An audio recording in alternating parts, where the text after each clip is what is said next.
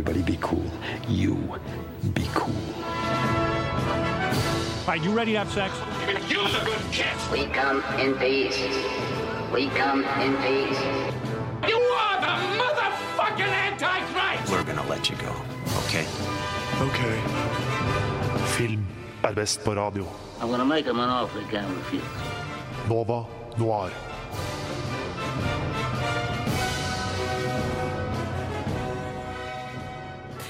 Hei og god morgen til deg som lytter på Radio Nova her i dag. Mitt navn er Liv Ingrid Bakke, og sammen med nå har jeg glemt etternavnet vårt, da. Ludvig og Tage.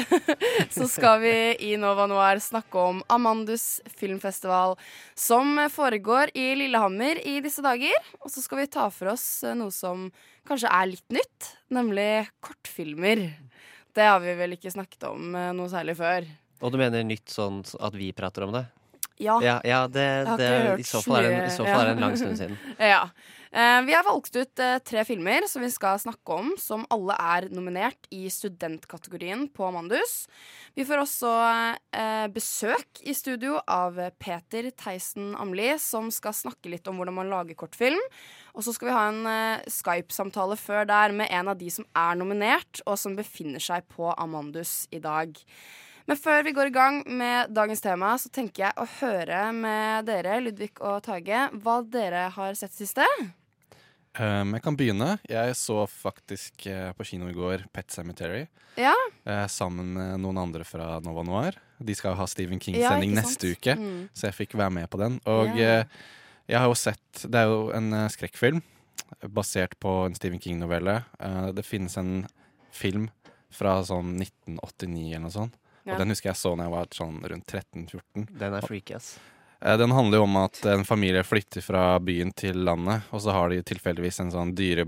dyre altså, Kirkegård. Ja, kirke, slags kirkegård i, eh, nest, bak, i, eh, bak huset. Men så er ikke det en helt vanlig kirkegård. Det er ting som begraves der, det kommer tilbake igjen. Men så er det ikke helt det samme. Det er noe sånn ondt Mm. ved det som står opp igjen. Og jeg må si at jeg syns egentlig ikke den her var noe særlig Jeg syns ikke den var noe særlig, rett og slett. Jeg syns ikke den forrige er så veldig sånn, bra heller. Den er bare Jeg syns konseptet bare er litt merkelig. Jeg syns konseptet er veldig bra. Jeg, jeg syns det her er en god idé. Det her er litt kult. Jeg har jo sett den nå, og jeg likte den, men jeg syns jo ikke at den var noe særlig skummel, da. Det er en slags sånn horrorversjon av en sånn barne-, barne- og ungdomskultur. Da, at du skal begrave kjæledyret. Ja. Mm.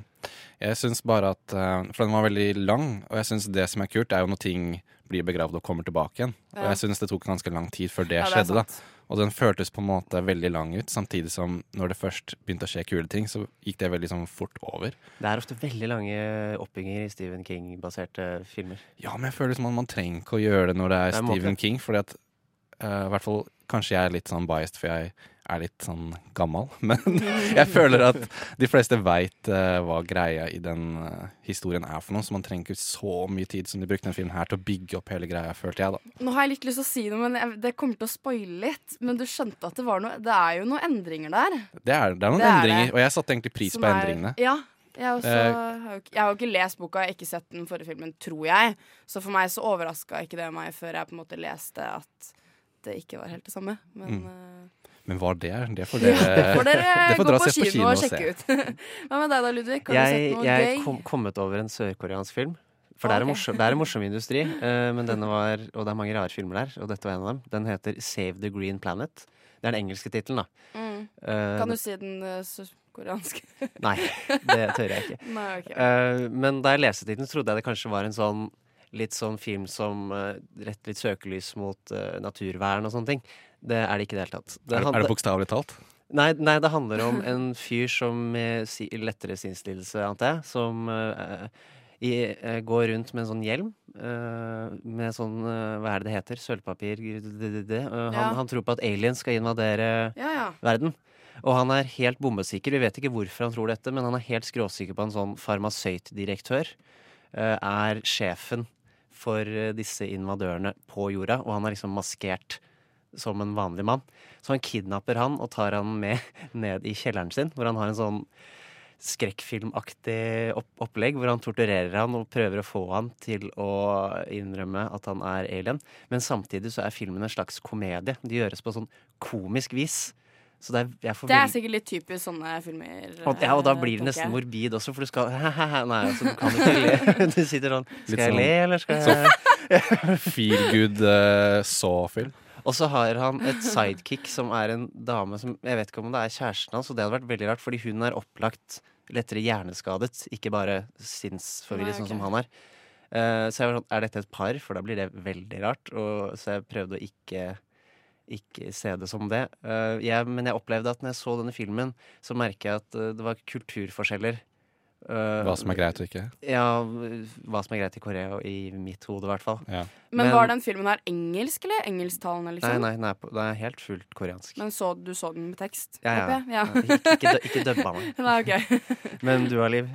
Jeg har uh, sett uh, sesongfinalen av Heimbane. Nå tror jeg jeg har nevnt at jeg har sett Heimbane et par ganger her nå. Og så er det ingen andre som ser det. Har dere, dere Jeg har har sett én episode. Du har sett av Jeg så sesongfinalen av første, episode, nei, av første sesong. Det er det eneste jeg har sett. Åh, nei, men uh, Folk har vært litt sånn at Timebane tapte seg litt i sesong to. Uh, men at uh, den sesongfinaleepisoden tok det opp igjen, og folk bare Vi må ha en sesong tre nå. Det går ikke at det slutter sånn. Jeg husker at det er sånn typisk sånn der, litt sånn klisjé sånn her ah, Ja, selvfølgelig, de skal spille den der store cupfinalen mot Rosenborg. Varg mot Rosenborg. Hvem er som vinner? Det er jo enten-eller, så man, liksom, man kan jo forvente så mye. Men likevel så sitter jeg der og liksom Det er spennende for det om, selv jeg på en måte vet at enten så vinner de, eller så vinner de, på en måte. Så det er liksom veldig mye mer som er pakka inn, og det likte jeg så godt. Og jeg satt der og gråt plutselig, og bare sånn Herregud, det her er så fint. Så jeg ble skikkelig overraska, og bare at det var skikkelig bra, den episoden. Så jeg anbefaler jo egentlig alle å se det. Og det gjør jeg alltid. Bare sånn Se det. Det er norskt, og det er bra. Så ja, så jeg så Ja. jo sesongfinalen av første sesong, så jeg får vel se den her. ja, gjør det. Jeg kommer ikke til å skjønne så mye. jeg føler at jeg får liksom med meg cirka hva som har skjedd. Jeg trenger ikke å se alt, bare se siste episoden.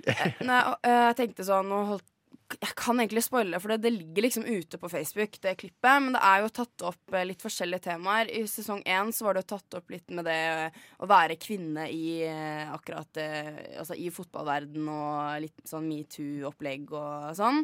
Eh, nå er det litt mer homofili som er tatt opp, og det er så fint det som skjer i siste episode, fordi at eh, han ene åpner seg liksom opp på liksom live etter at uh, kampen er ferdig, og sier at uh, kjæ han, kjæresten min hjemme, han sitter og venter på meg. Og så blir reporteren helt sånn Hæ? Hva, hva var det du sa nå?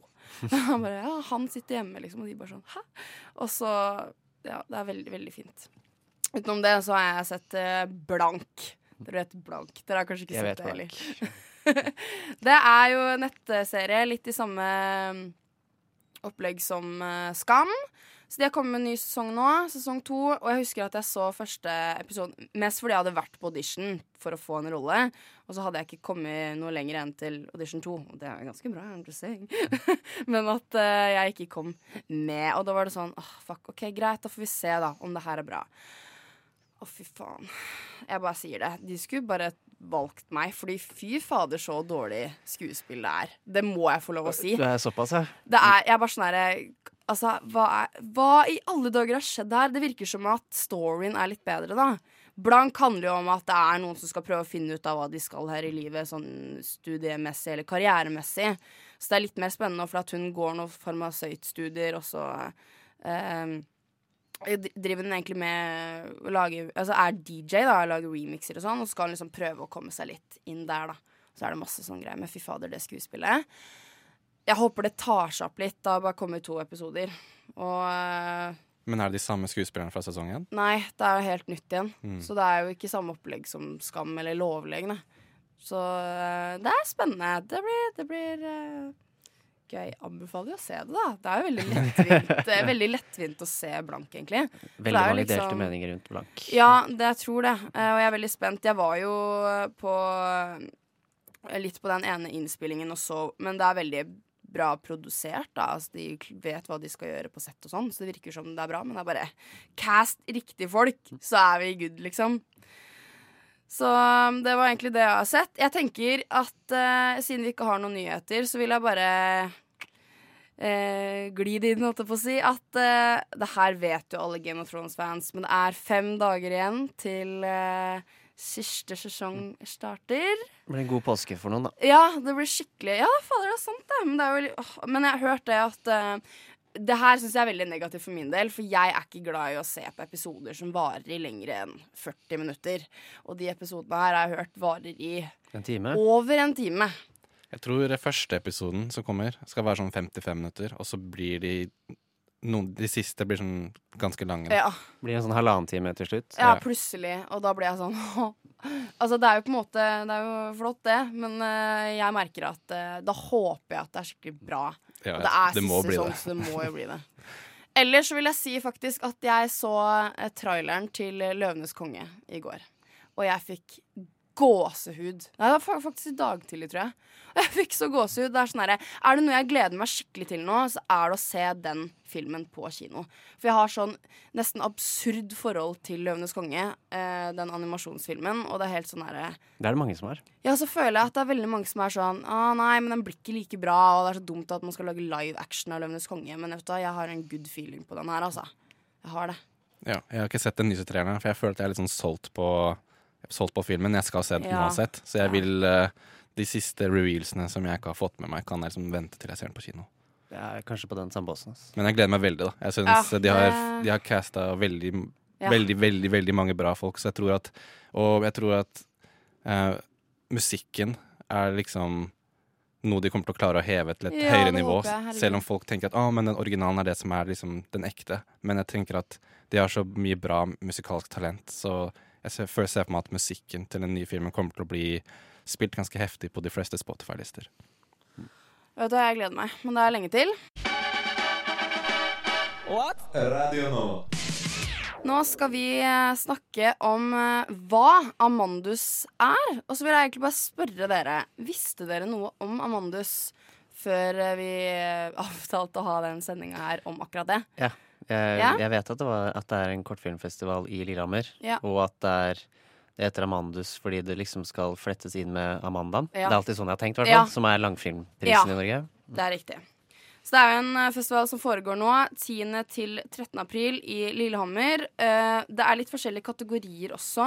Eh, vi har jo egentlig valgt å snakke Primært om student. i, ja, videre i sendinga om studentkategorien. Eh, jeg så jo litt innom ung, og det er jo de som er opp til 16 år, er én kategori. Den kalles junior. Eh, og det er jo ja, de under videregående, på en måte. da eh, Ungdomsskole blir det kanskje. Ja.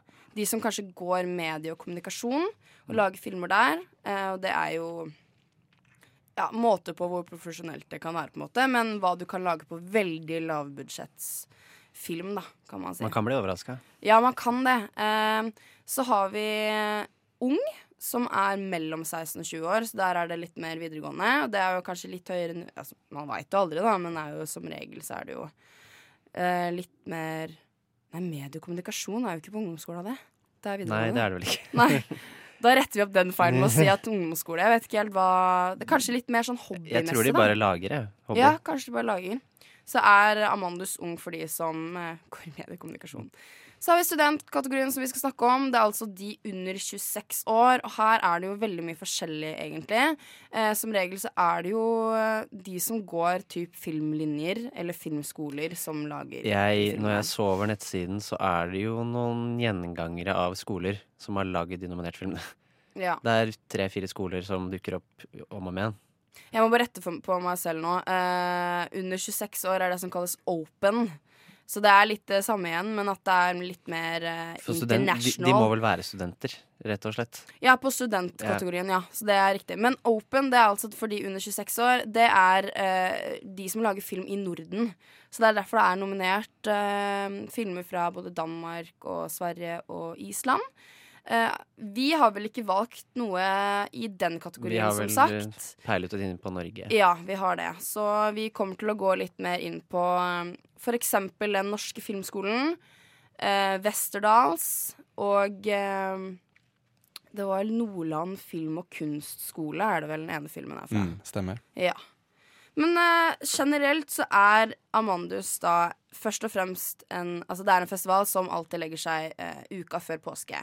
Uh, det er en firedagers fest for egentlig alle unge filminteresserte der ute som ikke bare er glad i å se film, men de som er glad i å lage film, og som er veldig interessert i å lære mer. Uh, og det er veldig mye forskjellig innhold. Det er ikke bare konkurranse med nominerte filmer, men det er også eh, eh, kino Altså ikke kinopremierer, men man får sett en del film. Jeg eh, leste at eh, hele festivalen avsluttes med at eh, de viser Midnight 90s, som er Jonah Hill sin eh, debutfilm.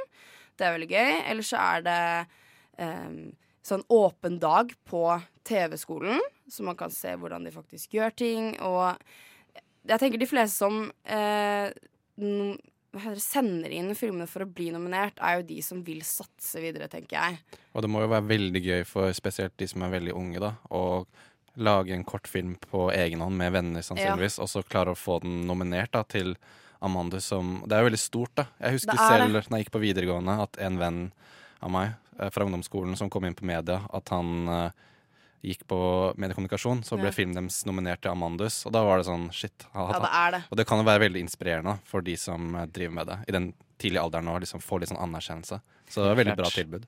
Ja, det er jo flere kortfilmfestivaler også, men det her er vel den som er Beklager. Det er den som er eh, Hva heter det? Den mest kjent Eller den mest Prestisjetunge? Ja, kanskje det er det. Fordi Grimstad også har veldig stort eh, Det er de to. ja, ja, ja, det er de to. Det er jo, vi har jo også NUF, som jeg snakka om med en kompis i går, faktisk. Eh, vi fant ut at det var Nordic Youth Film Festival, så det er jo mye bra der også, sikkert. Men Amandus er jo nærmest Amanda. Eh, det er også manusverksted. Altså, det er så mye man kan gjøre her. Jeg liksom kunne egentlig ønske at jeg var der selv, at jeg fikk festivalpass og kunne være der. Eh, for det er så sykt mye som jeg kunne fått med meg som Jeg har jo gått filmproduksjon. Jeg er veldig interessert i det her. Jeg har lagd en del kortfilmer selv. Nå skal ikke jeg begynne å forklare hvordan det er, for det skal vi snakke litt mer om etterpå. Men jeg bare merker at jeg allerede er skikkelig interessert i det her.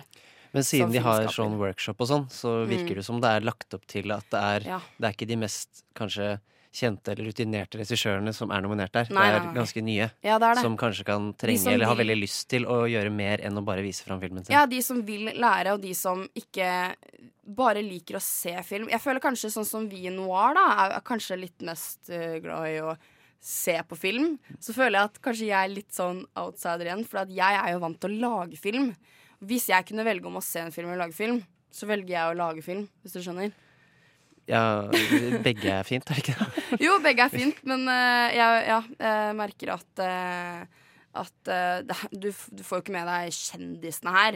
Eh, men man møter jo sikkert en del skuespillere som kanskje er litt interessert i å være der. Og man får jo skaffa en del kontakter, tenker Mm, jeg. det er Så det er et sikkert sted- masse Og bra sted å networke også. Ja, det er det. Både for eh, de som er veldig unge, og sikkert de som eh, akkurat har gått ut av f.eks. Uh, Westerdals eller Noroff og de Ja, det er skolene. det. at de Ja, nå har de liksom fått eh, bachelorfilmen sin nominert, og så møtes de på festivalen, og så kanskje de møter masse andre bra folk som de kanskje kommer til å samarbeide med senere, og få sett hverandre og snakka sammen og sånne ting. For jeg ser for meg at filmbransjen i Norge kan ikke være så stor. Så Nei, det blir jo sånn et veldig fint sted for folk å faktisk møtes og dele ideer og kanskje bygge nye Ja. eh, bekjentskaper da, som de kan ta med seg i videre prosjekter, f.eks. Ja, det er kjempelurt. Jeg kan jo eh, kanskje ta litt sånn oppsummering av hva et, et, en typisk dag på Amandus er. da. Klokken ti så var det som sagt åpen dag på TV-skolen. Eh, vi har manusverksted, og så er det visning av kortfilmer litt sånn eh, innimellom. Så får man også eh, være med på å se hvordan spesialeffekter på, er lagd. Her er det 'Hvordan lage en galakse på film'. Sikkert dritkult å få med seg det. Så er det dokumentarfilmverksted. For det må nevnes at eh, her er det jo nominert eh, ikke bare fiksjon, men også dokumentar. Eh, to helt forskjellige ting. Eh, men to ting som er veldig populært å lage i Norge, føler jeg. Det, det går veldig mye av det samme. Eh, om eh, ni minutter så er det faktisk eh, Møt serieskaperen av Lovleg. Det er jo kult. Det hadde jeg hatt lyst til å få meg. Klokken 11 så er det Klipp en scene fra Harajuku. Dritkult. Klokken 12 filmens magi og video VJ. Det vet jeg ikke hva er. Og så er det ja, det er masse Det er mye, kult der. Det er mye, mye. Um, så det er bare egentlig ta, ta en liten titt eh, Mhm. hvis man er veldig interessert. Og jeg merker at nå fikk jeg være veldig Det lyst til en, å det finnes en nettside. Ja, nå fikk jeg veldig lyst til å dra hit neste år. Og kanskje vi i Noir burde tatt oss uh, turen, Kanskje vi skal gjøre det. Kanskje vi burde gjort det. Jeg bare, jeg må skyte inn her. I morgen klokka halv ett så får du vite hva bak virkeligheten på Paradise Hotel og Ex on the Beach. Mm. Så her er det ikke bare film, altså. Det er TV-produksjon også, og det er jo også veldig kult. Uh, hva tenker dere er uh, sånn typisk filmfestival utenom det her? Det er jo litt forskjellig, tror jeg. Det jeg tror Amandus er litt sånn filmfestival for filmskapere. Og så finnes det også filmfestivaler som er litt, litt mer sånn Jeg tror, eh, jeg tror for de, folk. Jeg tror de etablerte altså sånn Cannes og uh, Sundance og sånn. Ja, men, men Sundance. Sundance er faktisk faktisk en festival for eh, de som er Der er det workshop og sånn også. Ja. Det, det er en festival for oppadkommende. Mm. Og da er det ofte mye mer sånne ting som er akkompagnert med festivalen. Men sånn etablerte så tror jeg det er mer mer rutinerte folk som ikke trenger dette her, så da er det mer filmvisning, Mm. utgivelser. Ja. Cannes og Venezia og Mm. Berlin. Og så har vi jo eksempel Oslo Pics i Norge. Den også er litt mer sånn publikumstype eh, Ja. festival, men den har jo også eh, masterclasses og sånne type ting som kan være interessant for de som Så tror er har, i bransjen. Mm. så tror jeg det er veldig mye å si om juryen er basert av andre filmskapere eller journalister. Ja. Det tror jeg også er veldig Eller sånn Sånn typisk Den i Tromsø har jo veldig sånn publikum-favoritt-type Mm. kategorier, så det peker på at de er Demokrati, demokratisk, liksom. Ja, det er litt mer sånn at de skal prøve å f- Dette er sånn mer sånn for allmennheten, mens eh, jeg ser for meg at Amandus er veldig sånn Dette er for filmskapere og liksom folk som kommer opp, da. Ja. Og- Litt bransjefestival, kanskje. Ja. Og så er det veldig bredt spekter på hvem som er med også. Det er jo ikke bare de som eh, har kommet seg inn i bransjen, men det er jo på, til og med de under 16 år som har masse i vente, og som kan lære supermye. De kan bli jo gode fra de er såpass unge. Det syns jeg er veldig kult. Vi skal gå litt mer inn på hvilke filmer vi har valgt som er nominert eh, nå straks. Nova Noir, fordi film er best på radio. Og nå skal vi eh, gå litt mer i våre tanker om eh, kortfilmer. Eh, og våres forhold, rett og slett, som vi har til kortfilmer. Ja, mitt forhold er egentlig skammelig lite. Jeg burde egentlig sett mye mer. For hver gang jeg faktisk setter meg ned og ser kortfilmer, så tenker jeg det burde jeg gjøre mer. Ja, for du har, også, har og sett litt. Og så gjør jeg det ikke mer. Før Nei, jeg blir sant. liksom pressa opp til det, nesten. Ja. Uh, og vi skal jo fokusere på spillefilm i dag, da. Men liksom Spillefilm? Spill, altså med, Fiksjon? Ja, ja, men ikke animert, mente Ja. jeg å si. Men mi, mitt første møte med kortfilmer var jo som, stort sett da jeg var liten, disse forfilmene til Pixar-filmene. da Ja, ja, ja. det var Stemmer liksom, det. Ja, ja. Og de elska jeg da jeg var liten. Jeg husker jeg fikk en sånn der boks med bare de, opp til et visst punkt. Eh, Men, til, men med skuespill, holdt jeg på å si, spillefilm, så der er det veldig sporadisk. Og jeg ser det liksom når jeg får sjansen, men som sagt så er det altfor lite. Eh, og det skammer meg egentlig litt over, for jeg liker sjangeren. Det er en veldig spennende sjanger. Men er når jeg nevner til folk sånn Ja, kortfilmer, det finnes, og folk er sånn her Hæ? Kort, hva er egentlig en kortfilm? Hvor lang er den kortfilmen? Hvor ser man kortfilm? Så blir jeg litt sånn Egentlig så Det er et sykt godt spørsmål, egentlig. For jeg vet ikke selv. Jeg vet bare at uh, Nå har jo ikke jeg noe forhold til å sette meg ned og se på kortfilmer, for jeg begynte jo ikke med det før etter jeg hadde lagd egne kortfilmer. og Da var det veldig sånn De kortfilmene ligger jo som regel ikke ute når du har lagd de, fordi at man vil jo sende de inn til festival hvis det blir bra. Og da kan de ikke ligge ute, sånn at folk har sett det. Det er jo et krav. Så folk holder litt sånn hemmelig. Litt uh... Jeg har litt inntrykk av at uh, kortfilmer, spesielt da spillefilmer, fiksjonsspillefilmer, er på en måte lagd sånn at du skal vise det fram til bransjen, sånn at du videre kan få midlene til å lage en, ja, en det er jo... det det er en jobbsøknad på mange måter, føler jeg. En CV. Sånn her, se, dette har jeg lagd, og jeg, nå viser jeg at jeg kan lage det.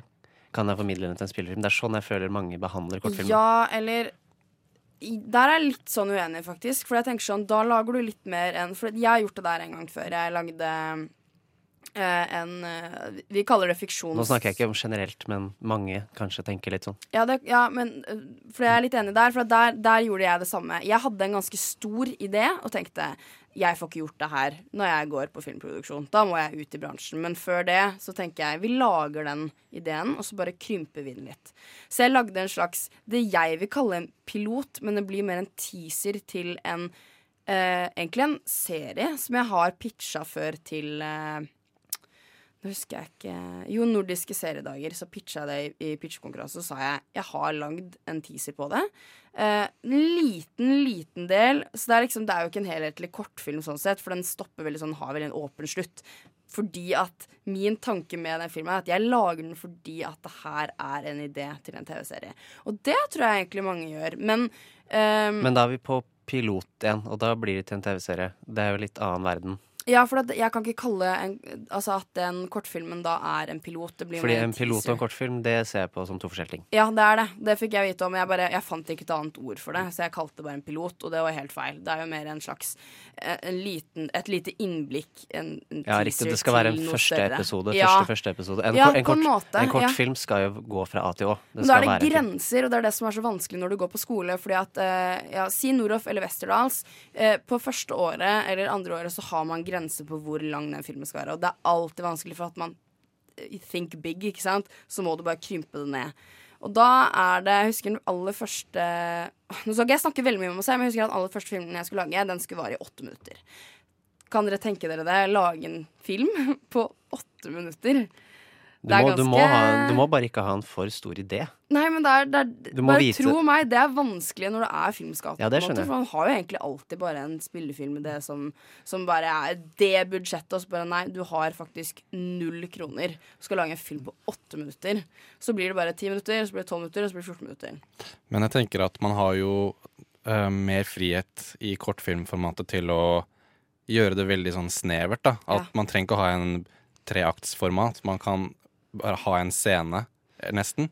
Eller veldig sånn enkel sånn setup, og så skjer det noe, og så er det på en måte ferdig. Trenger ikke å ha den der eh, samme oppbygningen som en vanlig spillefilm. Så det gjør at man har Det er det jeg syns gjør kortfilm kult. ja, Ja, det er det. Så det blir veldig mye mer eh, Det er rart, men jeg syns det nesten er mer rom for eksperimentering i kortfilm Det det. enn det er i spillefilm. Så det er det jeg liker best med kortfilm, egentlig. At de er veldig sånn De kan være alt mulig rart, og de trenger ikke Mm. å følge sånn format nødvendigvis. Og det gjør at man ser mye ja, mye morsomme ideer da, som får lov til å spilles ut.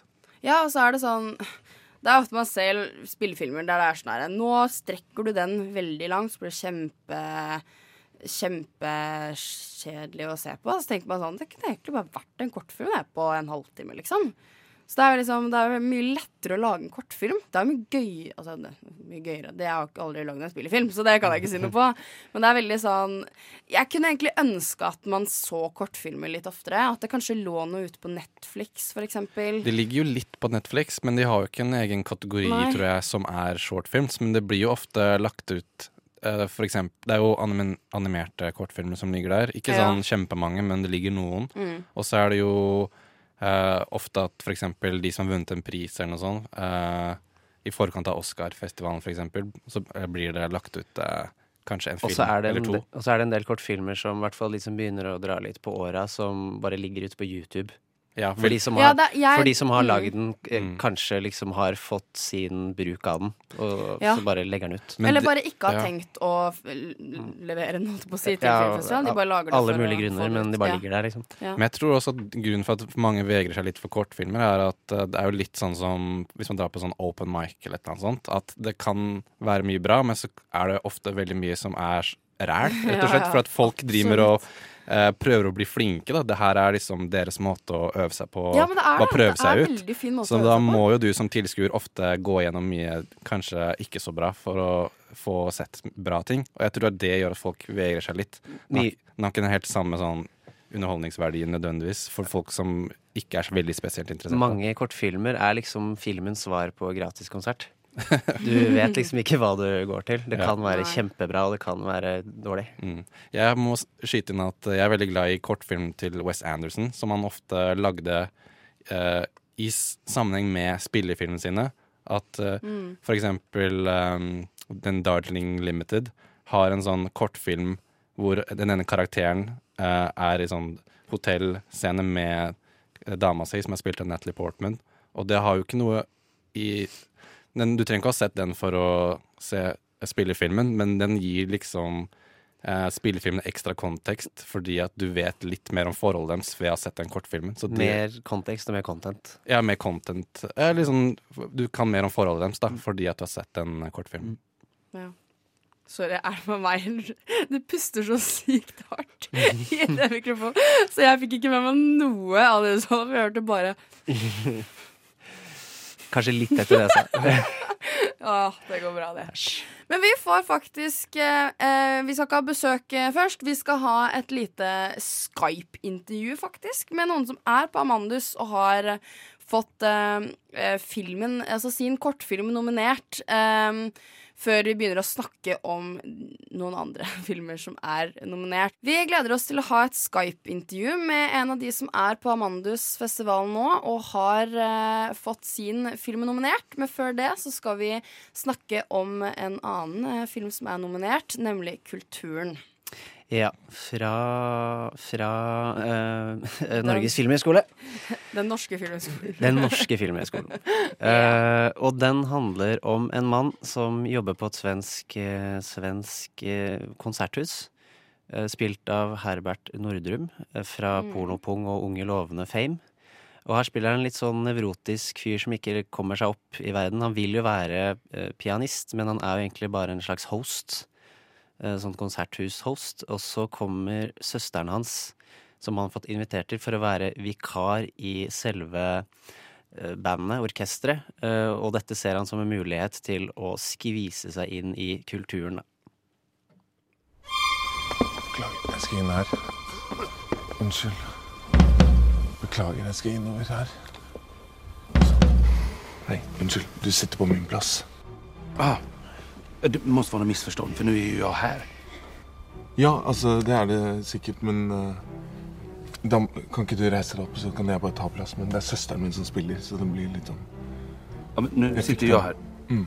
Du, du får sätta dig någon annanstans. Om det er noen som skal flytte seg, så er det deg. Dette er min plass. Jeg skjønner ikke hvor Ja, jeg prøver jo. Så kan du være så snill bare. Kan ikke han reise seg opp? Nei, jag tänker Unnskyld inte- meg. Inte Dette er min Her, her sitter Au! Tyst! Det er bedre du går og setter deg dig någon sted nå. I den scenen her så har jo vår mann uh, Han skal sette seg inn i, på plassen sin, så er den opptatt. Eller han har jo sin billett, så det er jo hans rett å sitte der. Så havner han i kvalm med han fyren her, da, som til og med går litt i vold mot han. Og nekter å flytte seg. Og uheldig som han er, så er denne mannen sånn big shot konserthussjef for et sånt eh, rivaliserende, kan man si, konserthus. Og han er høyt oppe på strå. Så det er kjempedårlig start for han, da. Eh, Ja, og- så utvikler seg derfra en slags sånn maktkamp mellom de to eh, utover kvelden. Ja, fordi hun, han blir jo imponert over søsteren, og han ødelegger jo søsterens muligheter med Ja. sin stahet. Og, og dette er jo egentlig historien om, rent overfladisk om to veldig sta og ganske dumme menn. Fordi jeg i hvert fall hadde ganske sympati med han hovedpersonen fram til han skal begynne å konfrontere den andre sjefen. Da blir bare begge to drittsekker, rett og slett. Og det er det jeg ikke likte. Altså, jeg, jeg vet ikke helt hva jeg syns. Jeg likte denne filmen kjempegodt, forresten. Jeg, ja. jeg var litt mer sånn derre Jeg vet ikke hva det er, men jeg tror egentlig ikke at jeg liker å se filmer der man liksom For jeg liker ikke å bli irritert, men her blir jeg irritert. For jeg blir liksom irritert over at de er så idioter begge to. Akkurat som du sier. At det er sånn herre Å nei, men jeg vil ikke bli irritert Men, på men dem. liker, liker du sånn flau-TV, sånn Curb Enthusiasm eller helt, helt perfekt sånn type humor? Ja Eller jeg ser jo ikke så mye på det, egentlig. Nei, men, men, jeg synes fordi, det fordi sånn, sånn flau det elsker jeg. Jeg liker, jeg liker det veldig godt. Og hvis du ikke liker det, så blir det cringe av å se den her. For det er nesten som en sånn episode, bare hakket mer dramatisk, kanskje. For det er vel ikke en rendyrket komedie, men det er ikke en rendyrket drama heller. Nei, det er det ikke. Men jeg tenker sånn, det er ikke det verste jeg har sett. Det er ikke sånn herre Å, fy fader, nå har jeg lyst til å bare slå han, liksom. Jeg blir sånn herre Jeg sitter jo bare Kan du ikke bare flytte deg, da, fra den derre for Ja, med, med, en gang, med, en gang liksom? den, med en gang den scenen starta, da bare begynte jeg å glise, og dette kommer jeg til å like. ja, ja, jeg ser det for meg, egentlig. Men jeg, jeg, jeg går kanskje litt mer på hvordan den ser ut, enn handlinga her. For den ser, jeg syns den ser veldig bra ut. Det, ser veldig gjennomført og godt ut. Den det er norske filmskolen. De har masse ressurser og sikkert eh, ganske greit budsjett. Eh, og derav ser det jo veldig bra ut. Det er bra location. De har fått gode skuespillere. Det er ikke bare Ann Herbert, men det er hun Katrine Torborg Johansen, kjent fra Oljefondet og Skjelvet. Mm. Hun er kjempeflink. Og så er det han svensken, da. Han, jeg har sett ansiktet hans mange ganger. Ja, Erik Eriksson heter vel han. Um, Ja, for jeg, også, jeg var også kjempeimponert over Hvis jeg ikke hadde visst at dette var en studentfilm, så kunne jeg trodd at det ikke var det. Det er akkurat det som er. At jeg satt og tenkte det her er veldig bra lagd. Det er liksom, De har eh, nok statister, det er gode skuespillere, det er kjempefine location. Altså, det er jo konsertlokale, det er eh, orkesteret synes, det er eh, Det ser veldig bra ut. Og så er det disse her veldig innramma bildene, spesielt den scenen som som dere hørte, da. Eh, den, der, den, der står kameraet bare helt stille. Mm. eh, når han står og filmer litt sånn kleint. Som, du det er nesten som en person som sitter litt foran og ser tilbake på dem. Og det er det som gjør det så Gjør det så ubehagelig, for at du kan ikke se vekk, og kameraet klipper ikke vekk. Du er liksom stuck med å bare se på at det Og så forsvinner liksom han når han blir kasta bort, men så blir han sta, så hører du skrittene hans. Å nei, nå kommer han tilbake. Jeg syns det er så gøy, for det er så gøy å se på reaksjonen til de som, blir, de som sitter rundt han som blir konfrontert med å på en måte flytte seg også. Du ser at de bare Åh, nei, nå kommer han tilbake igjen. Nei, nei, Så så liker, jeg- så liker jeg de naturalistiske Fordi det er naturalistiske fjesene og sånne ting. Fordi du merker at noen i publikum er på side med han, mens noen er enig med han andre. Mm. Så de på en måte blir også litt sånn De krangler jo ikke, men jo, de begynner jo faktisk å krangle på slutten av dette, denne Ja.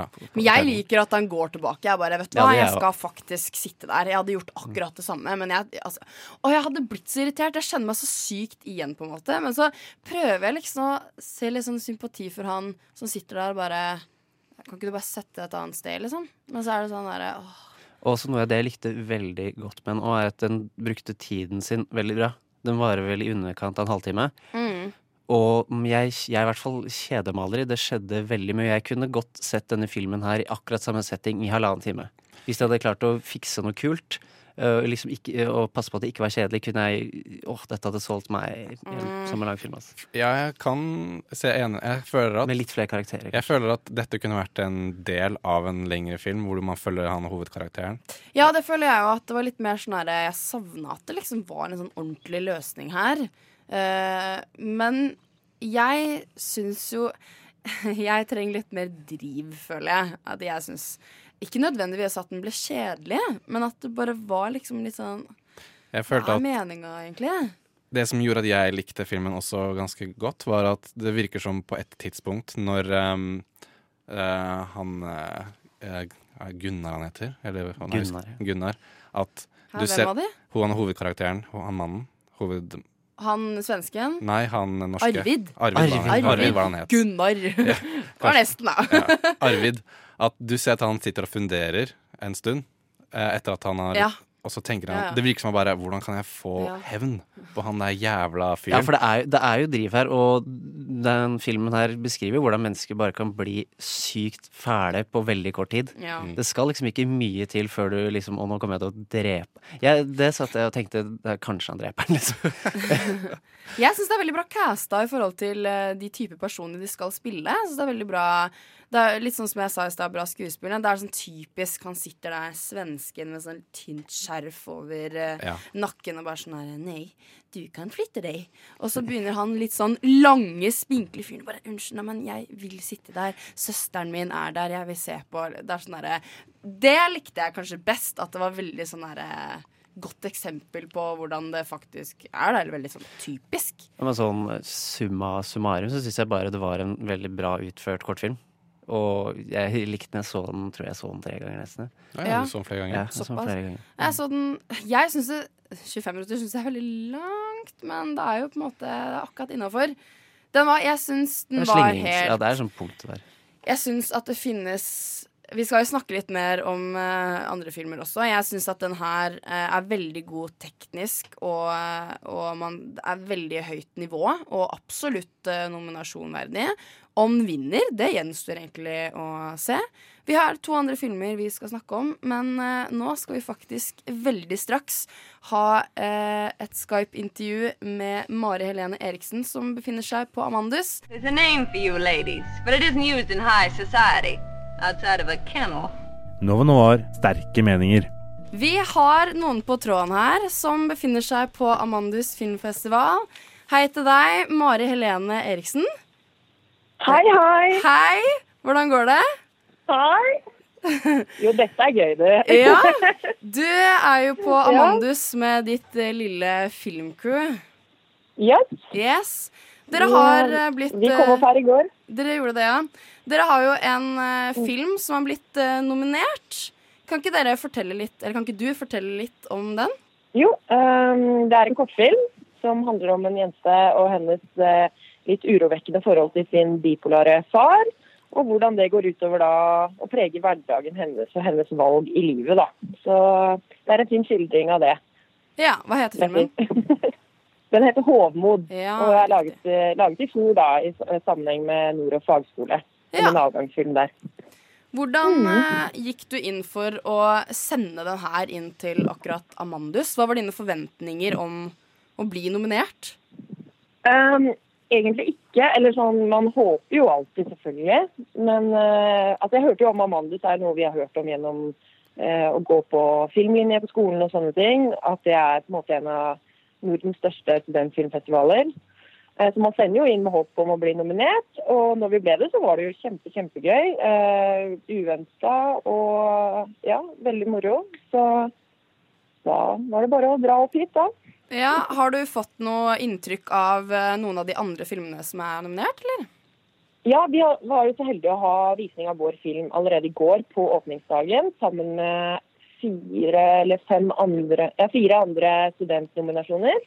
Eh, og det jeg må bare si er jo at nivået er jo, lover utrolig bra. Sånn, det er jo veldig, veldig mye bra film fra norske, de norske unge filmskaperne. Og eh, Danmark og Sverige for så vidt, som også var bidrag fra. Så ja, veldig mye bra. Altså. Imponert. Ja. Har du noen forhåpninger eller forventninger om å vinne? Etter i går så har jeg nok ikke det. Eh, Men det var gøy å se at sin film var nominert med andre filmer jeg syns var såpass bra. Det vil jeg si. Så vi tar det som en seier i seg selv. Men hva er det dere skal videre denne dagen i dag? Er det noe spennende på planen? Det er masse spennende. Eh, Det er jo litt forskjellig hva man kan gjøre for hvilken liksom, årsklasse man er. Om du er ung eller student eller eh, junior. Eh, Vi skal i hvert fall på en del De har en del bra filmer som går på kino. Annet en Vox Lux med Natalie Portman. Så alt dette er jo på en måte inkludert i festival som blir sponsa for de som er Eller festivalpass for de som er sponsa og er nominert. Hvordan blir det? Ja. Eh, så vi skal ned og se den. Og så er det et veldig langt seminar på nesten fire timer som handler om å gå fra filmskolen og inn i bransjen. da.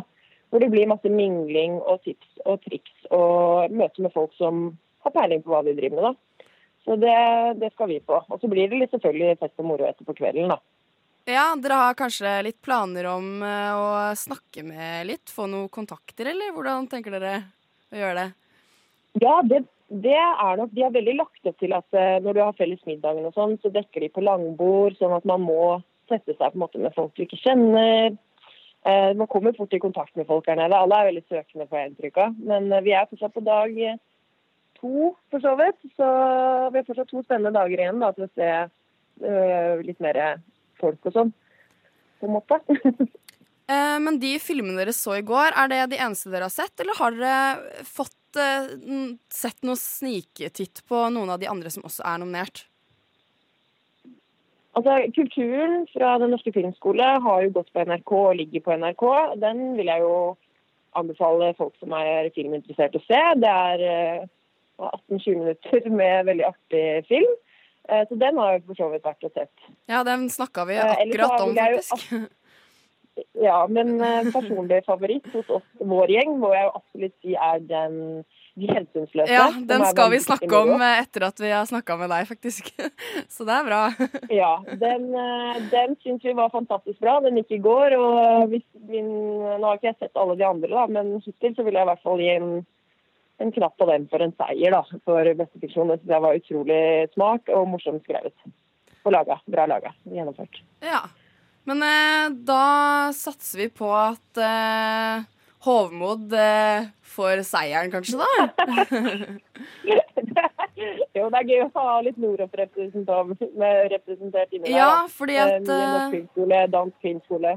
Ja, for jeg ser at det er den eneste filmen fra Noroff som er nominert, faktisk. De fleste er jo fra Den norske filmskolen og Westerdals. Hva tenker dere egentlig om at det er så få fra Noroff som er eh, nominert? Um, nei, altså det er jo ja, Nei, altså jeg, jeg vet ikke. Jeg tror vel Noroff er på en måte litt sånn skole som har hatt uh, blitt litt sånn uh, Fått Hva skal jeg si det? Litt, fått litt sånn reform Uh, Det har skjedd noe de siste årene med Noroff. Jeg tror det er bare snakk om tid før på Noroff blir mer og mer synlig i eh, ja, sånne ting som Amandus. på en måte da.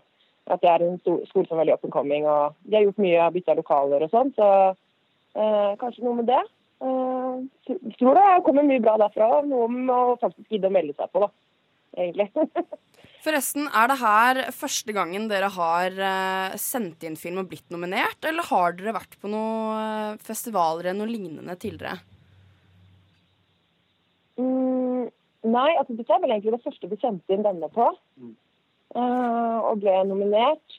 Vi sendte vel en annen film inn, men det var liksom til Grimstad. Tok en sånn derre skudd i blinde på det. Eh, det var et par år siden. Eh, vi hadde en del å lære før, før det. så jeg har på en måte kanskje skjønt at man må starte med sånne studentfestivaler og jobbe seg oppover. da.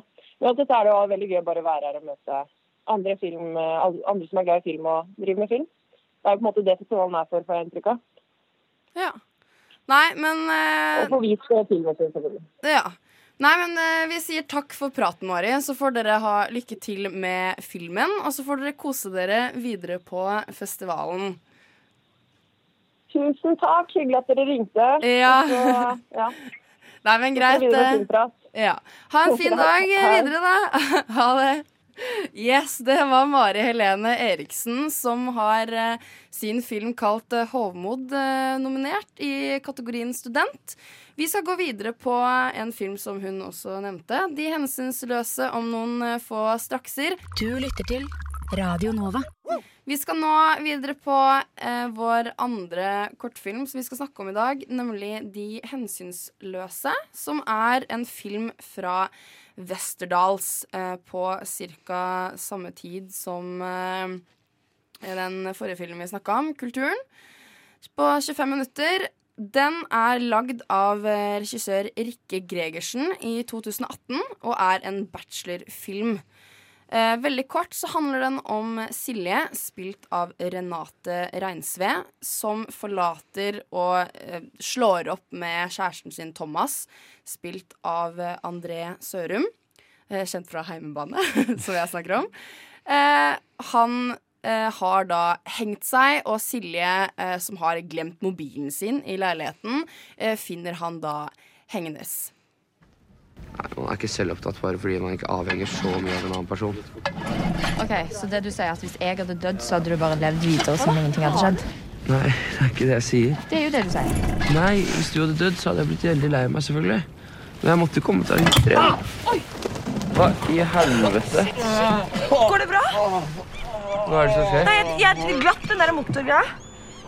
Du kom alt for nær, han kom altfor nærme, og så glapp jeg den. Og så Det du hørte her, var altså eh, Silje og Thomas som eh, da ender opp med å dra på en slags hyttetur eh, med båt over en sjø sammen med et annet par, som er eh, broren til eh, Thomas, altså Erik, spilt av Vebjørn Enger, kjent fra Askeladden og eh, Mannens- Kompani Orheim? Ja, det er det det er.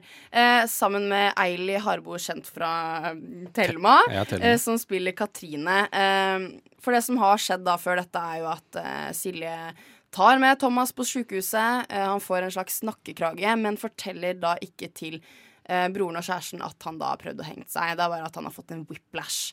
Eh, og later som at det da ikke har blitt slutt med Det er jo verdens mest anspente hyttetur. Det er jo det. Ehm, og det er bare det, er veldig, det jeg liker så godt med filmen, her, at det, det starter veldig tidlig litt sånn metaforisk.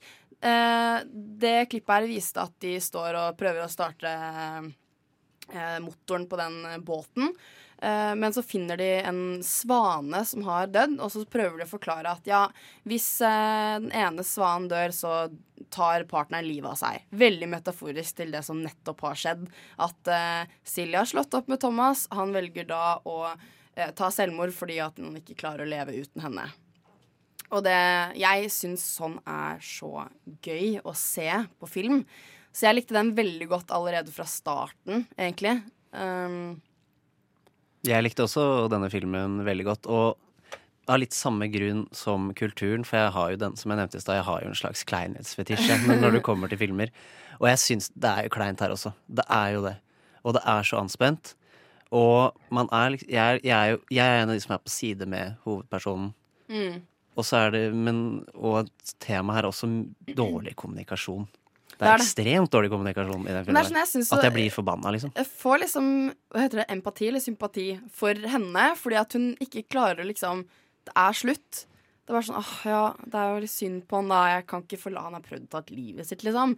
Men så blir det ikke så seriøst. Det er jo ikke det. Og det er jo egentlig litt sånn chill at det er litt sånn Det er jo dramakomedie, det her. Man Det er litt morbid humor, men det er ja, dramakomedie. det så det er ikke sånn superseriøst på at uh, han har tatt selvmord, på en måte. For at det kommer jo Det er det som er liksom Det er, det er den vrien. Det er et vendepunkt her som jeg syns er veldig bra, for at det vrir om på hele situasjonen. At man sitter og alltid sånn Sympati empati for hun Silje som er hovedpersonen.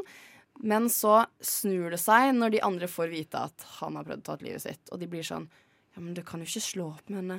Nei, men han, eh, han har prøvd å ta livet sitt. Det går jo ikke. Og sitter og det er sånn herre Hvis dere la merke til kameraføringen på Det egentlig ofte det meste av det var, som regel, bildene. det var jo som regel fokusert på hun hovedpersonen, selv om de Ja. andre prata. Det, Det var re- veldig mye- reaksjonene hennes er Ja. det viktigste her. Det er veldig mye fortellermåte i, i teknikk her, både klippmessig og um, kameraføring. Og jeg husker jeg tenkte sånn, hva er det som skjer her nå uh, på slutten, når, når det er sånn eh, Jeg er litt usikker på hva det heter, men det er på en måte sånn dolly-vriing fra den ene sida til den andre, så du ser liksom bare en sirkel. At kameraet bare går i en sirkel. Så ser du liksom, så har du veldig fokus på én person, selv om noen andre snakker, for at man skal se reaksjon på den som ikke snakker, hvis du skjønner hva jeg mener. Mm. Og så sitter man liksom Jeg husker jeg tenkte sånn Hva er det her for noe? Hvorfor, hvorfor er ikke Det er ikke et, det er ikke et helt nytt eh, grep. Nei, det er det ikke. Det er, det er for å forsterke at det er hun vi skal se Mm, reaksjonen og det var sånn derre Jeg var litt sånn Liker jeg dette? Liker jeg det ikke? Altså likte jeg det til slutt, for at da var det sånn Jeg syns det funka veldig bra her. Ja, til slutt så bare bryter alt med et klipp, og da er det sånn OK, nå skjer det. Og da sitter liksom Man ser liksom hendene deres på skulderen til han og bare Nå er vi på din side, når de i utgangspunktet var på hennes side i begynnelsen. Så det er det vendepunktet. Men jeg skal innrømme at jeg var litt sånn usikker på slutten, for jeg skjønte ikke helt. Når han sitter på en sånn tråsykkel ute, og så sitter hun inne, og så snakker eh, eh, Erik og eh, Katrine om at eh, ja, nei, men det er jo hennes bil, da.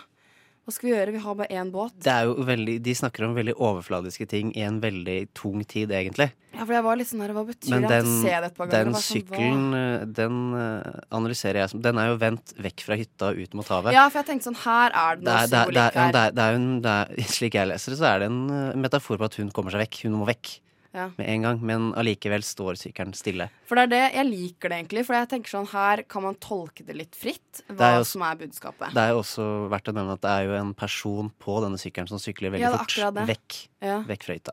Men så ble jeg litt sånn, er det han som vil Uh, løpe vekk, eller er det hun som Jeg tenker det er hun, der? for det er hun som på en måte Ja, ser jo, den. Jeg ja. tror det er, henne, det er hennes fantasi. Eller så tenker jeg sånn her, nå er hun skikkelig lost, nå er hun fanga i det. Nå kan hun jo ikke gjøre noen ting. Eller så er det bare sånn Hvis du slår opp med han, så mister du de to andre også, er det jeg føler. Fordi de på en måte er på samme side nå.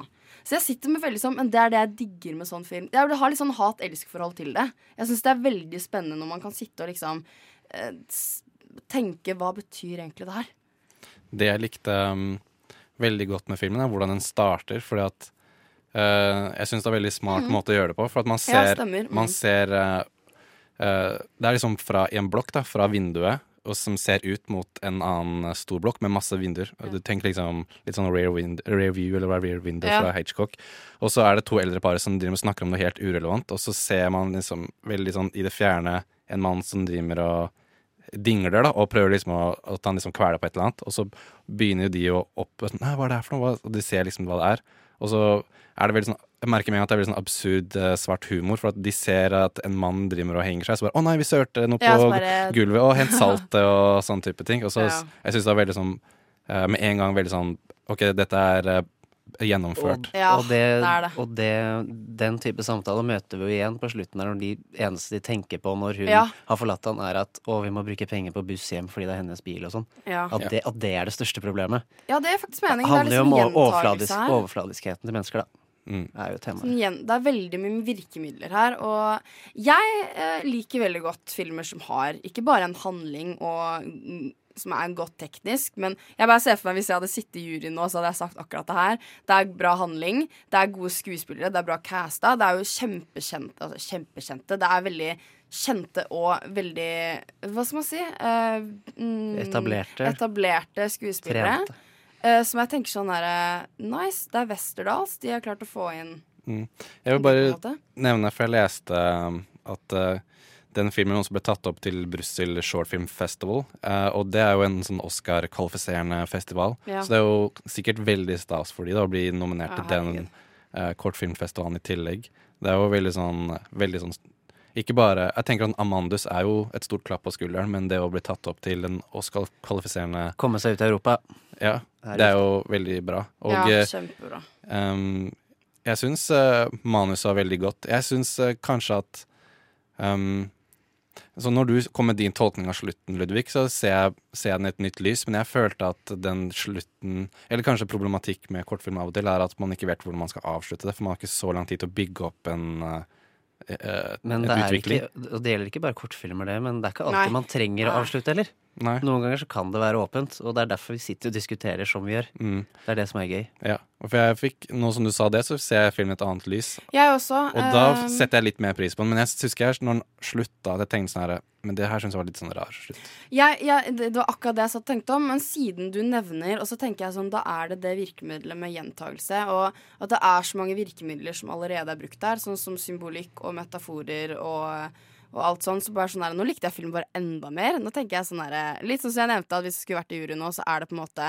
Det er eh, teknisk godt, det er god handling, gode skuespillere God skuespillere Viste fingeren til Ludvig nå når jeg telte. Og det er eh, gode virkemidler, og alt det er veldig godt brukt sammen. Det er på en måte det Altså helheten av filmen eh, syns jeg er veldig bra, og jeg likte den her veldig godt. Jeg likte den også. Ja. Vi skal eh, snakke om den siste filmen eh, vi har eh, tenkt som vi har sett på. Men for det skal vi faktisk ha et nytt intervju, og da får vi besøk her i studio veldig snart.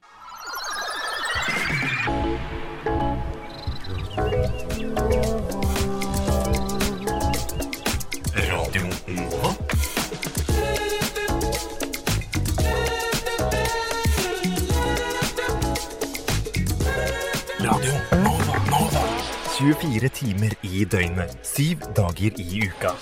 DAB, nettspiller og mobil. Vi har fått eh, besøk her i studio av deg, Peter Theisen Amlé. Velkommen. Tusen takk. Vi kjenner jo hverandre fra før, det må jeg bare nevne. Vi to har gått på Noroff i samme klasse på filmproduksjon. Mhm.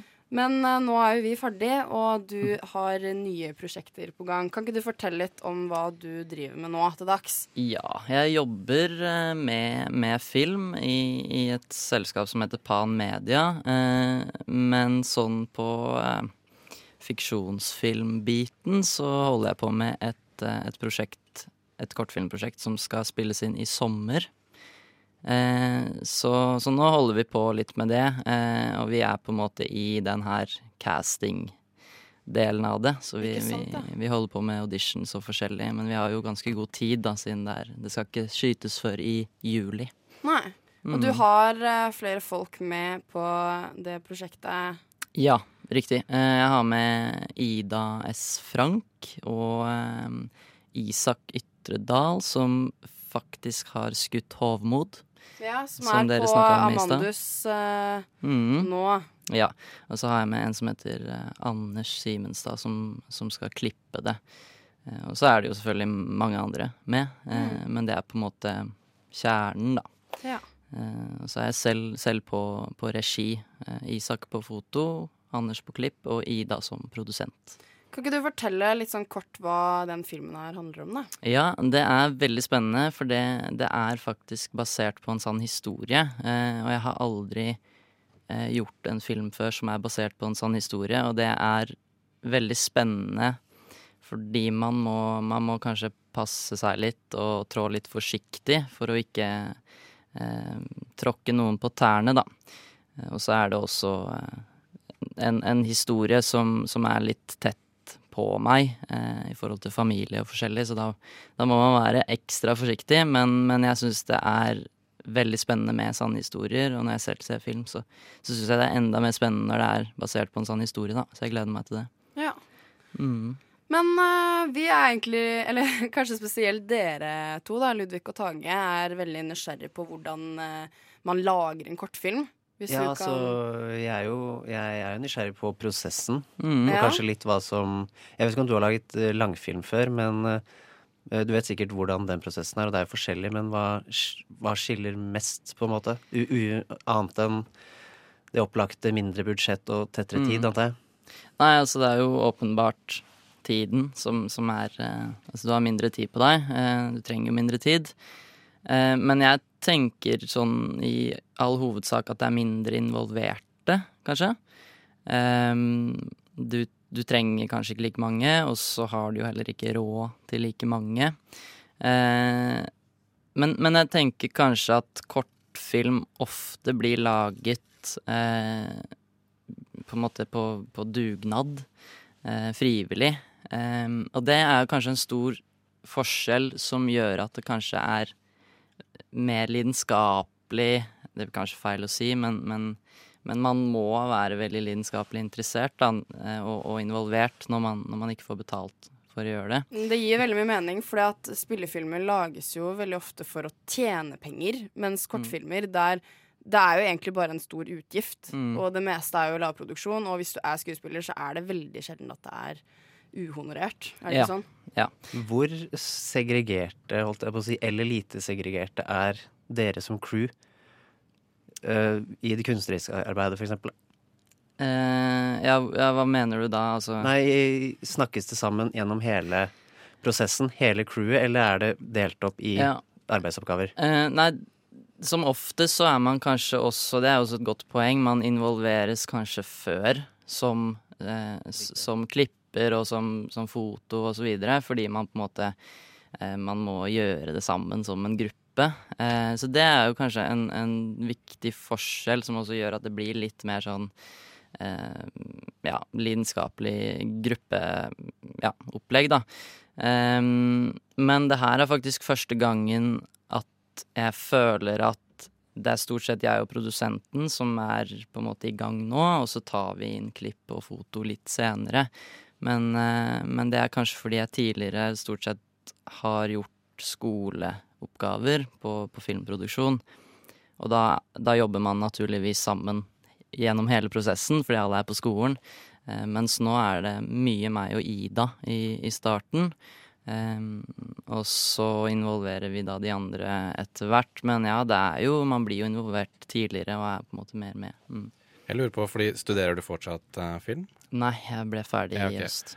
Fordi jeg lurer litt på, for du jobber jo som sagt med det medies- medieselskapet. Mm. Men så tenker jeg på hva som gjør at du um, blir motivert da, til å uh, jobbe med fiksjon også. For det er jo ikke nødvendigvis noe som direkte lønner deg, da, eller Mm. dere, men at dere er veldig sånn Dette er noe som du sier veldig lidenskapelig for, da. Mm. Så jeg tenker liksom, hva er det som gjør at dere eh, får lyst til å gjøre dette på en måte lidenskapelig opp... uh, uh, ja, filmen. Mm. Nei, altså eh, Jeg har jo alltid på en måte sagt at eh, Klisjé nok at film er liksom min stemme. Og jeg er veldig samfunnsengasjert. Eh, og ofte når jeg lager film, så tar jeg opp noe som jeg anser som et viktig tema osv. Så, videre. så jeg tror det her er min måte å involvere meg i samfunnsdebatten. Eh, uten å nødvendigvis gå inn i debatter og liksom på en måte skrive en artikkel i en avis, men, men det er på en måte min måte å få ut det jeg tenker, da. Og så er det jo bare Film er jo det beste som fins, og hvis jeg har muligheten til å lage fiksjon framfor reklamefilm, liksom, så, så gjør jeg jo det. Det er bare en eh, det det er bare det jeg vil gjøre. Det er det eneste jeg vil gjøre. Lage film. Veldig fint uh, sagt, syns jeg. Det er liksom som musikk også. At man lager liksom en låt med en mening, kanskje med egne Mm. tanker og sånn, men det er på en måte det kortfilm går på. Altså, ikke bare handler det om å på en måte komme seg inn i bransjen, men uh, det handler om å på en måte vise sine følelser i en handling og lage noe ut av Mm. det. Men jeg tenker, uh, du har nevnt at dere er litt i castingprosessen og sånn. Kan ikke du forklare litt sånn uh, Oppsummere litt hva Eller hvordan man starter. Litt sånn i forarbeid, så selve filmingen, og så etterarbeidsprosessen. Hvordan det Ja. hele foregår. Mm. Nei, altså um, Grunnmuren i enhver filmproduksjon er jo manuset, naturligvis. Så, så først så, så fikk vi på plass et utkast av et manus. Det er på en måte det, det viktigste for å komme seg i gang, da. Eh, men, men det vi på en måte gjør uh, når vi caster, er eh, Vi bruker Facebook som bare det. Det er masse grupper på Facebook som er kjempepraktiske. Eh, Som, har du eksempel? Eh, jeg husker ikke hva de heter, men altså det er alle Statistjobber ja, under 1000 kroner. sånne. Filmjobber i Mm, Oslo. Riktig. Er Skuespiller. Ja. Type. Eh, Typ sånne grupper, da. Du finner det ved et enkelt søk. Eh, og så la vi ut Jeg liker at jeg jobbene. svarte på det. ja, ja, Sånn, men du, du vet jo, så, Men ja. så det blir naturlig. Um, og så har vi Vi har søkt om penger, da. Eh, sånn at vi kan lønne eh, skuespillere. Fordi det var litt viktig for oss. Eh, vi tror at vi, vi, vi får bedre skuespillere ved å gi litt lønn. Det er tross alt veldig lav lønn, men vi har litt penger til å lønne skuespillere. Eh, Hvor søkte dere om penger? Frifond. Ja. Eh, så vi fikk innvilga hele summen, altså maksimalsum vi kunne få der, da. Eh, og så skal vi søke Viken, og så får vi se hvordan det går. Eh, men vi har i hvert fall penger til å lønne skuespillere. Eh, og det var veldig viktig for oss, eh, for da Ja. Vi fikk, vi fikk også veldig mange eh, inn på, på casting. Vi har nå casta hovedrollen. Eh, ja, men da, da tar vi de inn. Og så Jeg, jeg pleier ikke å, å caste Altså gå gjennom manus og sånn. Jeg pleier å sette de i en situasjon eh, hvor det er mest improvisasjon. Eh, for å se hvordan de har tolka rollen, da, eh, ut ifra manus. Eh, så, ja. Ja. Så det, det har fungert veldig bra. Vi har nå fått casta en, en 16 år gammel gutt, så det blir veldig spennende. Hvordan tenker dere at dere gjør selve filmingen? Det er jo en stund til fortsatt, Mm. men hvilke forberedelser gjør dere, forberedelser gjør dere akkurat før innspilling? Nei, det er jo, eh, det er jo veldig viktig å ha en, eh, en eh, dreiebok. En dreiebok? Hva er en dreiebok? En dreiebok, ikke- en dreiebok er en oppskrift på hvordan man skal gjøre alle scenene. Rent cinematisk, altså gjennom kamera, da. Da har du utsnitt, om du skal ha noe bevegelse, du har alt. Og så setter du opp det i en shotlist, som er noe litt annet. Det er rekkefølgen du skal skyte de i, for de er ofte forskjellige fra hvordan manuset er satt opp. Og så går du ut og, skyter. Det er veldig viktig å ha alt det her på forhånd, hvis ikke så blir det kaos på sett. Eh, ja. Men jeg lurte litt på, fordi at, hvordan er det å stå på egne føtter nå som du er ferdig utdanna, i forhold til når du er, går på en filmskole? For jeg ser for Mm. meg at kanskje litt eh, etablerte skuespillere vil vise litt mer godvilje til å være med i avgangsfilmer, f.eks. når Mm. du er, går på skolen, da, for da vet jeg at dette er studenter. Ja. Mens nå som dere er ferdigutdanna, er det liksom annerledes, eller hvordan er det? Ja, altså de, de fleste vet jo at eh, filmbransjen er jo kanskje den, eh, den kjipeste bransjen av de alle. eh, når det kommer til å å komme seg inn og, og, og få en jobb osv. Det er det og skuespill, tenker jeg, Mm. og de ligger veldig Ja, og, hverandre. ja, og det er jo det som er litt fint da når du skal caste noen på en veldig lav lønn, er at de er, er Altså, de har en forståelse for at det her er kunst. Det er lite penger i kunst. Så sånn sett så, så føler jeg at de skuespillerne vi har hatt inne, de, de har på en måte en forståelse for at ja, men vi, vi er i samme bransjen, da, på en måte, og det, det er forståelse for at det er ikke så mye penger der. Eh, og så hjelper det selvfølgelig når du sier at ja, vi tjener ingenting på det her, eh, men vi har valgt å lønne skuespillere. Eh, så sånn sett så Ja, men, men det, det er vanskelig, selvfølgelig. Eh, nå, nå har jeg på en måte prøvd å komme meg i gang med, med denne bedriften, da. Eh, og prøver å få det til å rulle, men det, det er vanskelig bare det. Så, men man må jobbe 24-7. Men jeg lurer også på For jeg snakka litt om Mandus eh, filmfestivalen. Altså, hva slags eh, status, eller hvor viktig er det, eller hva betyr det å bli nominert, f.eks., eller vinne ulike filmfestivaler her i Norge, da? Eh, nei, det er jo selvfølgelig veldig viktig. Eh, jeg tipper det er litt forskjellig fra person til person.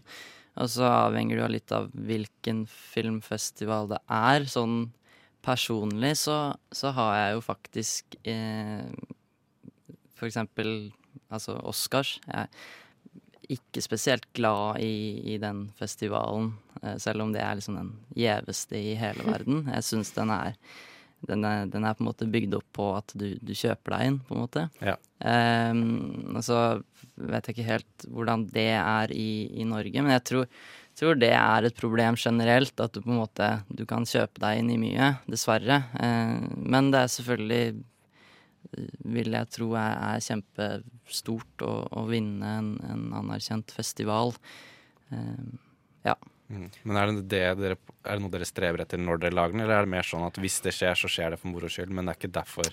Altså, vi har satt opp en, en plan, altså det står i fremdriftsplanen vår at eh, en periode eh, så skal vi sende det inn Mm. eh, til, eh, til filmfestivaler. Så selvfølgelig, og det er jo en inngang i bransjen hvis man eh, blir lagt merke til, osv. Eh, men, men det jeg vil også anbefale å sette opp egne visninger. Eh, litt selvskryt, det har jeg vært god på selv. Mm. Låne, få til å låne eh, lokaler og bare sette opp visning, invitere folk på Facebook, og så, så kommer det folk, og så blir man synlig. Det, det funker veldig bra, så det må man gjøre. For du har jo lagd totalt eh, fire kortfilmer, eh, Mm. fiksjonsfilmer, på Noroff. Ja. Der eh, to av de var eh, nominert da i det eh, Noroff kaller Diamond Award, som er en Mm. egen prisutdeling da, for Mm. de beste filmene som er lagd det året. Um, har du lyst til å fortelle litt om noen av de tidligere prosjektene du har gjort, og om det er noe forskjell på de prosjektene og det du skal lage nå, da, utenom det du allerede har nevnt? Mm. Nei, så Fellesnevneren for de prosjektene er at det er eh, temaer som jeg anser som viktige, eh, osv. Det, det er på en måte noe jeg vil si. Em, det kommer jeg meg nok aldri unna, tror jeg. Eh, men det tror jeg også er viktig i film. Mm. Eh, jeg hadde en film som het eh, Eller jeg har en film som heter Hen. Eh, som jeg lagde Den var den første Altså avgangsfilmen min for første året på filmproduksjon. Og den fikk en del oppmerksomhet i, i media og forskjellig, og jeg reiste rundt på visninger eh, osv. Og, så videre, og det, det var kjempegøy, for den, den, den fikk veldig mye til å skje, da. Um, så, det var veldig gøy, og, den holder jeg fortsatt på med, egentlig, selv om det er et par år siden. Hvis du kan fortelle liksom kort uh, temaet den tar opp, mm. eller hva den handler om? Eh, Den handler om det å på en måte mm, falle mellom to stoler når det gjelder kjønn. Eh, for du har på en måte de to binære kjønnene som er mann og kvinne, men den handler om hvordan det er å føle at man ikke passer i, inn i noen av de. Eh, noe som er et Det var et tema som aldri hadde blitt tatt opp i film før. Noe som jeg ble litt satt ut over. Eh, og det er også veldig gøy, fordi jeg har fått vist den veldig mange steder. Jeg føler at folk har blitt litt mer opplyste på det temaet, for det er veldig, veldig viktig. Eh, ja, så Ja, veldig aktuelt tema. Ja, Mm. det, det er et veldig aktuelt tema, så mm, ja, den, den handler rett og slett om det, da. Og det er jo igjen et viktig tema. Og så har jeg også lagd en film som heter Døgn, som, som handler om en, en flyktning som blir tvangssendt tilbake til landet han kom fra. Um, Så har du avgangsfilmen, da. Ja. Som is the big, Ja. big thing. Har du Ja. noen gang vurdert å egentlig sende den? Du kan fortelle litt kort om den, og så Ja. lurer jeg på om du noen gang har vurdert å sende den inn. Mm. Eh, eller om du har sendt den inn til noen filmfestivaler. Ja, jeg har eh, avgangsfilmen min, eh, den store avgangsfilmen, som, som heter Spicato. Eh, den handler om en, en gutt som spiller cello.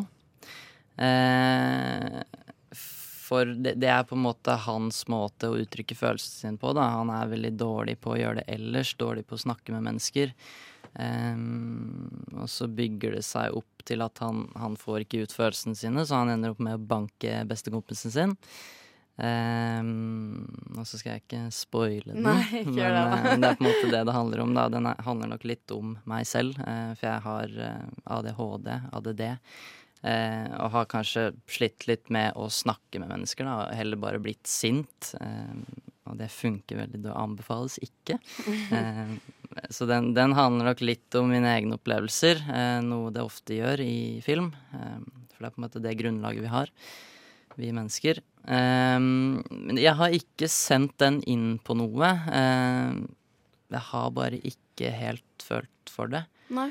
Eh, selv om den, den er bra. Jeg, jeg er veldig fornøyd, for så vidt. Det har vært en vanskelig film å lage. ikke sant? Du må få en skuespiller til å spille cello. Eh, Mm. Det er helt ekstremt vanskelig. Eh, ja. Du, unnskyld, du går inn på ganske harde temaer i Mm. prosjektene dine. Og vi prata litt om i stad om frustrasjonen man kanskje kan få at man er begrenset til kortfilmformat. Mm. Når du skal beskrive store, såpass store følelser, føler du, føler du den frustrasjonen, eller føler du at det formatet fungerer bra eh, i din erfaring da, for å convey, nå bruker jeg fælt engelsk Mm. uttrykk her, eh, glemt norsken, men Mm. eh, føler du det sånn? Ja, altså, man må jo passe på at man gjør det riktig. For man må jo forstå at man ikke har to timer. Og fortelle det man skal fortelle. Eh, Men, men den jeg skal lage i sommer, har jeg også lyst til å bruke som en proof of concept, som det heter, til å, å pitche inn videre til en spillefilm. da, Fordi den historien er egentlig mye lenger, eh, men tar utgangspunkt i én del. Eh, så sånn sett så håper jeg å kunne fortelle den filmen på mye lengre tid, fordi jeg føler den fortjener det. Men nei, jeg vet ikke, man må bare gjøre det riktig. Jeg har ikke følt noen sånn spesiell frustrasjon for at jeg ikke får sagt nok, men jeg tror man må bare passe på at man forstår at ja, du har kanskje bare et kvarter, da. Mm. Vi er ved veis eh, ende, dessverre. Mm. Eh, helt til slutt så lurer jeg egentlig bare på om du eh, har noen tips til eh, de som hører på der ute, eller til andre filmengasjerte som eh, enten vil komme seg litt inn i bransjen, eller som har lyst til å lage en kortfilm, da. Mm. Eh, nei, du, du må jo bare jobbe. Eh, jobbe, jobbe, jobbe, jobbe. Eh, Og så må du ikke bry deg om hva noen andre sier. Eh, med mindre det er positive vibes. Eh, du må bare blokkere alt ute. Eh, Utenom konstruktiv kritikk, kanskje. ja, også, selvfølgelig. Du, Ja. Men, men, Det negativt. har vi, eller det har vel du Du har vel fått høre noe, Å ja da. Noe der. Ja, spesielt på Ja. hen. Det kommer mye. Men Ja. man, må, man må bare jobbe. Viktigste er å bare jobbe, skrive, jobbe hele tiden. Film er 24-7, eh, men det er det beste i verden, så ja. Godt tips av eh, Peter Theisen Amli, som vi har hatt besøk av nå. Som har snakket litt om eh, selve kortfilmprosessen og noen av hans prosjekter, både tidligere og kommende. Vi ønsker deg lykke til videre i bransjen, og vi gleder oss til å se åssen det går med prosjektet ditt. Nå skal vi videre på den aller siste filmen vi skal snakke om, som er nominert i studentkategorien på Mandus. Du Du Du hø hører på. På Radio Nova. Du hører på Nova Noir, og vi har vår siste film som vi skal snakke om nå, nemlig Emmas datter. Ja, det er jo en film som er blitt eh, nominert fra Nordland kunst- og filmfagskole. Jeg syns det var kult å ha med en film eh, derfra også, så har vi litt eh, bredde. Eh, Den handler om eh, en mor og en datter, og man, eh, man blir kasta litt inn i det. Man vet ikke helt hva som er situasjonen før de to møtes. Det virker jo litt som at eh, datteren har flytta tilbake til moren pga. en eller annen spesiell grunn. Slik fikk jeg inntrykk av det. Og så den, Det er sånn film som på en måte ikke handler om noen ting. Man får bare sett dere to, de to uh, i en, et sånn lite smugtitt i livet Det deres. skildrer et veldig lite øyeblikk Ja. i livet deres.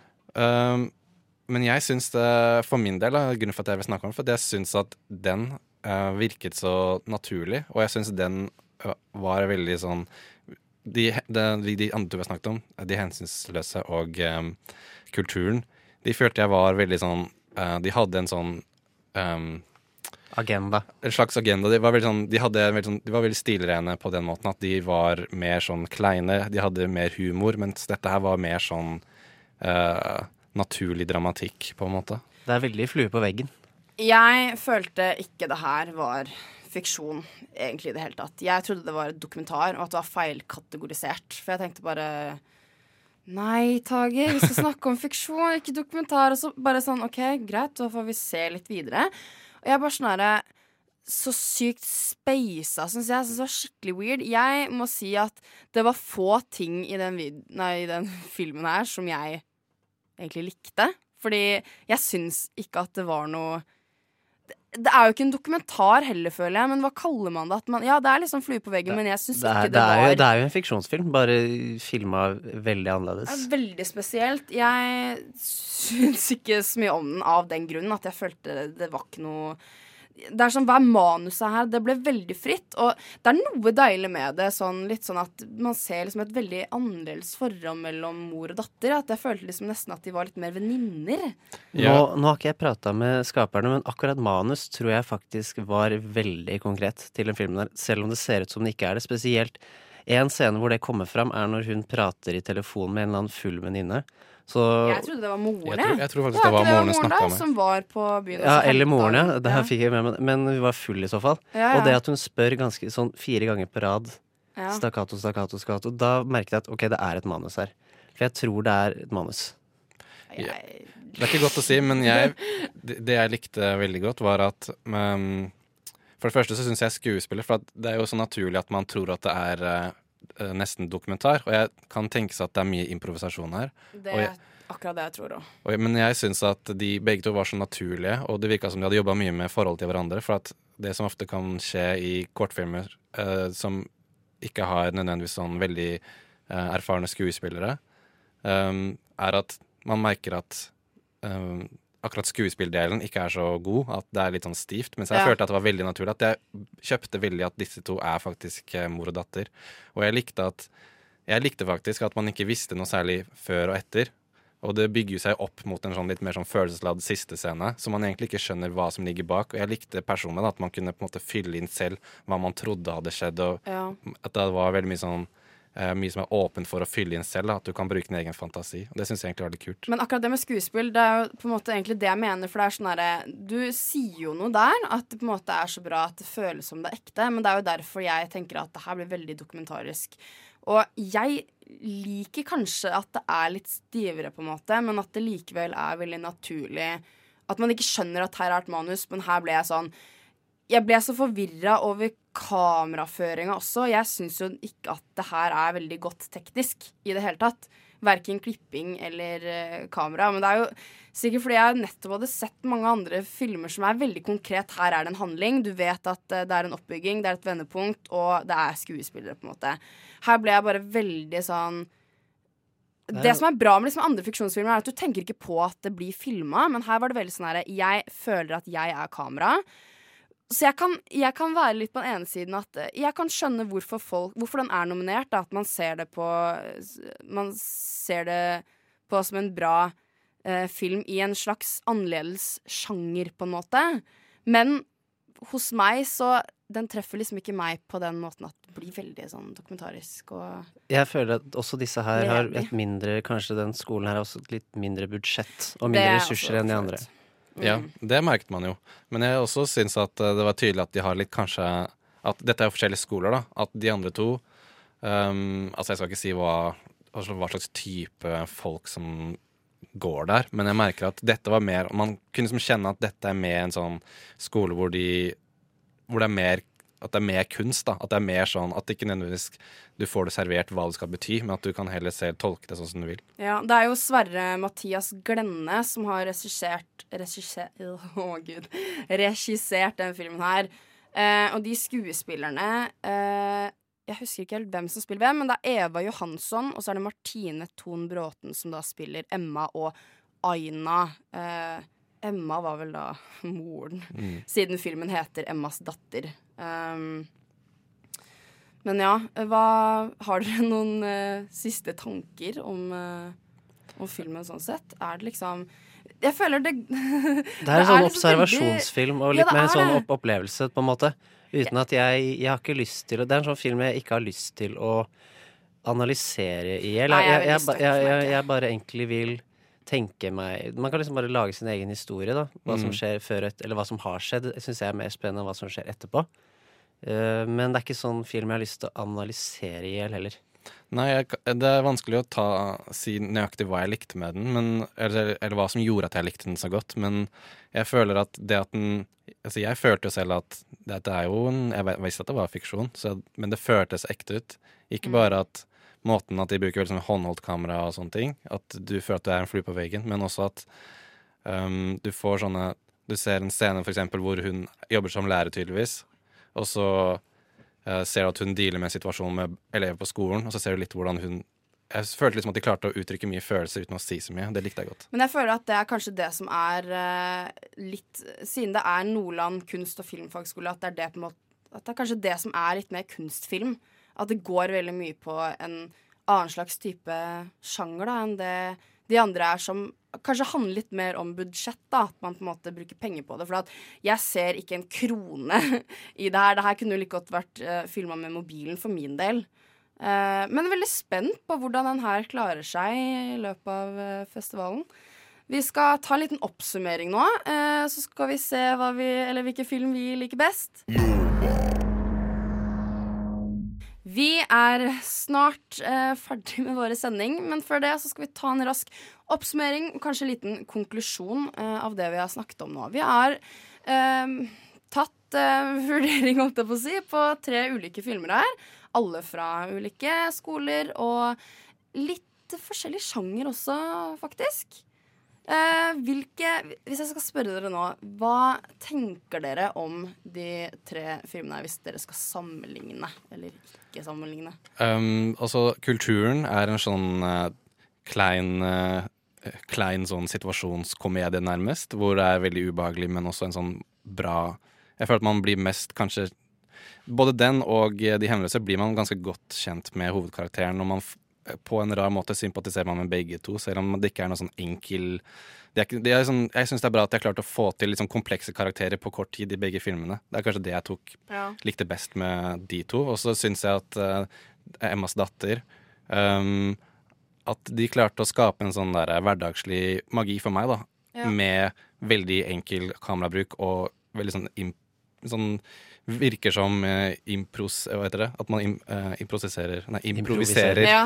Nei, men Eh, jeg, ja, jeg tenkte jo litt på det at eh, eh, Jeg må jo si at kulturen og de hensynsløse går jo litt mer hjem hos meg. eh, litt mer fordi at eh, det er på en måte det jeg også er litt vant til. Ikke bare å se, men også lage, som jeg har nevnt litt. Jeg tror at det vi, vi er vant til, er nøkkelord, for jeg tror de fleste er enig med det. I hvert fall som en jevne Det er mer filter. handlingsmessig, og det er veldig mye Altså, jeg må jo si min favoritt er De hensynsløse, og jeg tror den kommer til å gjøre det veldig bra. Eller jeg håper at den gjør det veldig bra.